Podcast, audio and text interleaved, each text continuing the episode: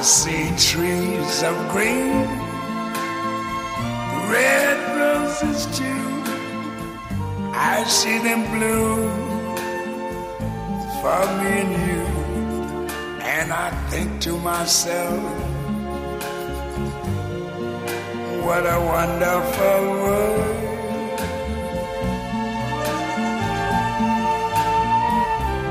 I see skies of blue clouds of white the bright blessed day the dark sacred night. And I think to myself ар кандай улуу нерселер жөп жөнөкөй деп бекеринен айтылбаса керек. анын сыңары улуу музыкант луи армстронгдун эң эле атактуу бир ырынын мазмуну да музыкалык жасаты да абдан эле жөнөкөй. Гүлдөр турса шамалга ыргалып күнүгө эртең менен күн чыкса булуттун арасынан сүйкайып ай көрүнсө көчөдөгү элдин катарында мен да жүрсөм. Жашоонун керемети ушул эмеспи деп ырдайт дүйнөлүк классика болуп калган. Кандай сонун бу жарык воре wonderful world деген ырында луи армстронг.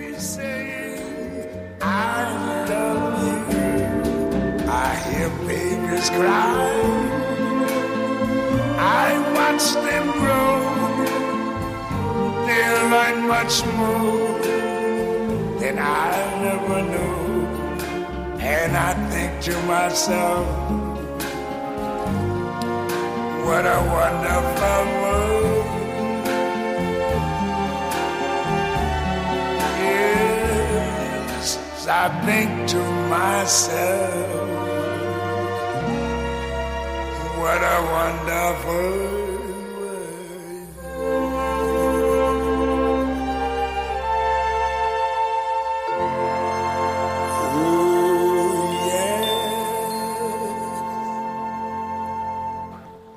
бул музыкант тууралуу ондогон китептер жазылып анын аты жыйырманчы кылымдын эң эле улуу адамдарынын катарында саналса да бизде кыргызстанда бул атактуу музыканттын аты дал эле болсо кеңири белгилүү болбой келет.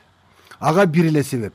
Бизде мурунку советтер союзунда джаз музыкасы башынан эле жакшы таралган эмес. А дегенде джаз буржуазиялык маданияттын капиталисттик дүйнөнүн белгиси катары терс көз карашта каралып келсе кийинки эгемендик жылдарында баарыбыз кризиске туш болуп эл джаз музыкасына маашырламак тургай өзүбүздүн улуттук маданиятыбызды тескегенге чамабыз жетпей калбады беле. Джаз музыкасы блюз кантри стилиндеги ырлар азыр гана эл арасына тарап ошого жараша батыш маданиятынын элвис пресли фрэнк синатра барбара стрейзанд элтон джон сыяктуу алыптарынын аттары музыка сүйүүчүлөрдүн арасында акырындап тарап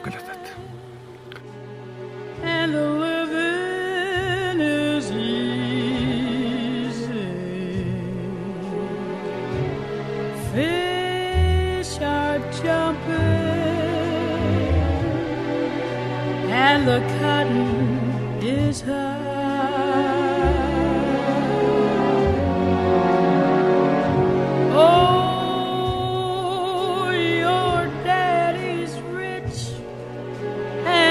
And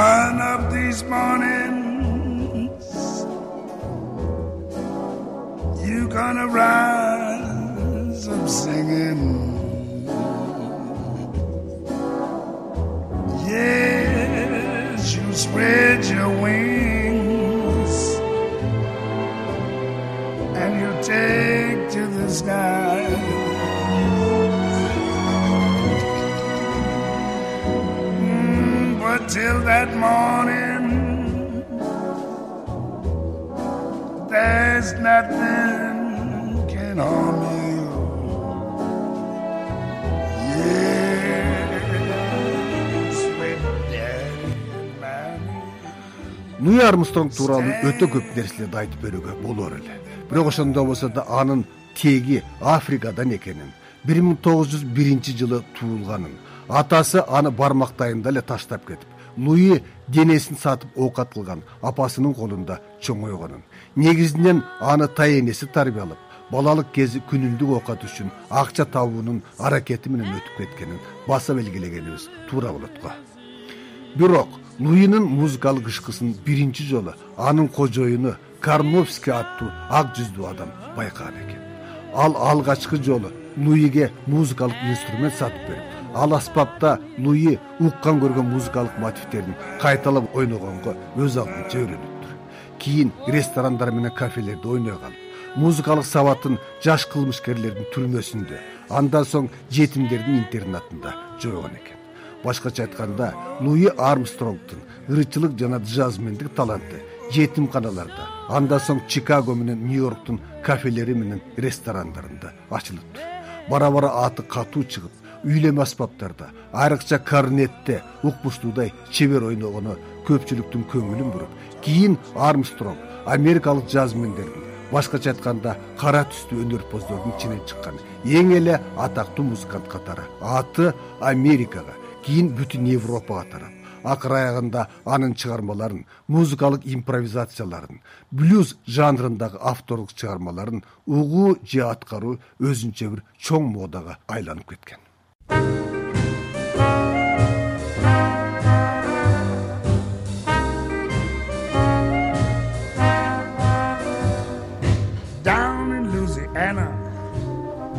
Louisiana, the land of Creole Sioux.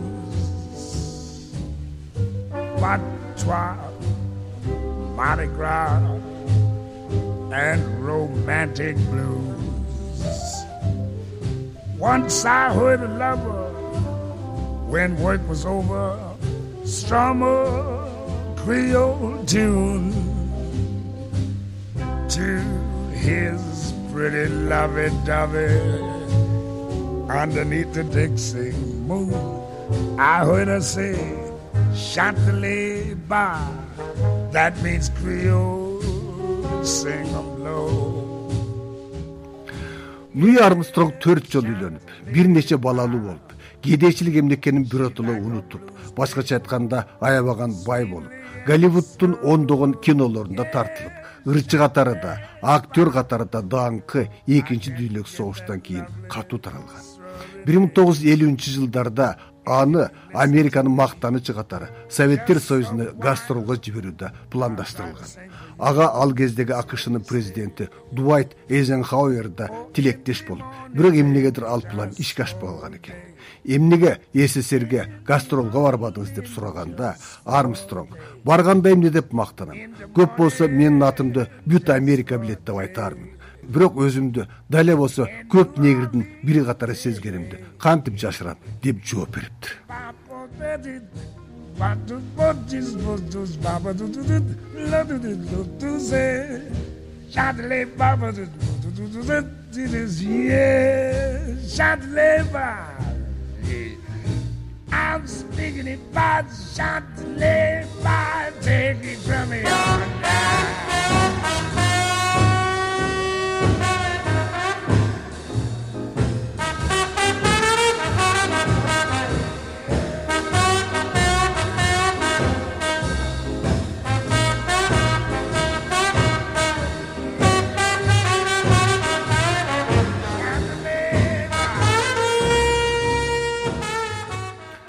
армстронгдун үнүн өтө бийик же өтө кооз деп айтууга эч бир мүмкүн эмес. Анын үстүнө ырчынын үнү бирин чукканда кыркырагандай угулат баса ошол кыркырагын жоготом деп ал кекиртегине операция да жасаткан. Бирок кийин гана анын дал ошол кыркырак үнү музыка дүйнөсүндө өзүнчө бир агымды өзүнчө бир моданы стилди тактап айтканда свингти диксиленд деп аталган жанрды жаратканын өзү да байкап ырчылыгын жазмендик чыгармачылыгын ого бетер күчөткөн экен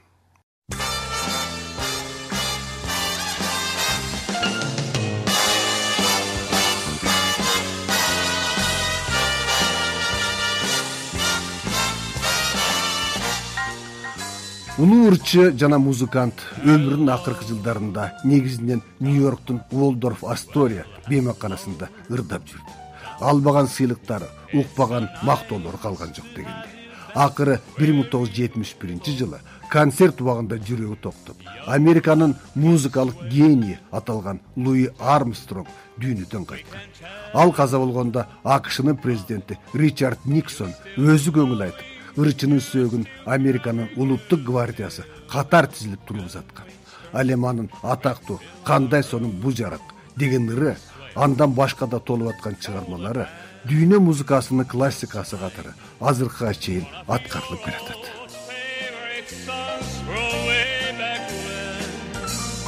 So